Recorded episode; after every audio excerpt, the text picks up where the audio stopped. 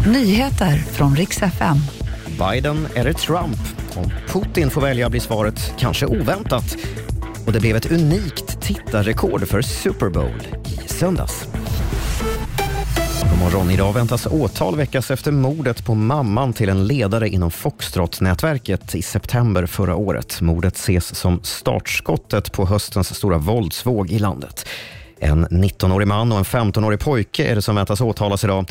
Och enligt uppgifter till Aftonbladet var det en konflikt mellan den här gängtoppen Ismail Abdo och ledaren Rawa Majid som låg bakom mordet. Vissa oroar sig för att en ny våldsvåg är att vänta nu när åtalet läggs fram.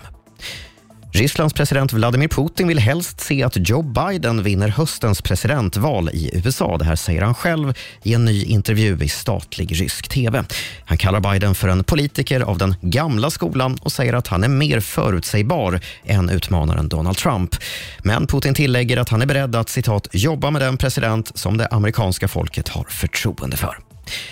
Och sist ska det handla om Super Bowl, finalen i amerikansk fotboll som gick av stapeln i söndags. Nu har tittarsiffrorna kommit och de visar att 123,4 miljoner människor bänkade sig framför tvn för att se matchen. Som med detta blev den mest sedda någonsin och det näst mest sedda tv-programmet i USAs historia. En enda gång tidigare har fler amerikaner tittat på samma tv-program samtidigt och det var månlandningen 1969.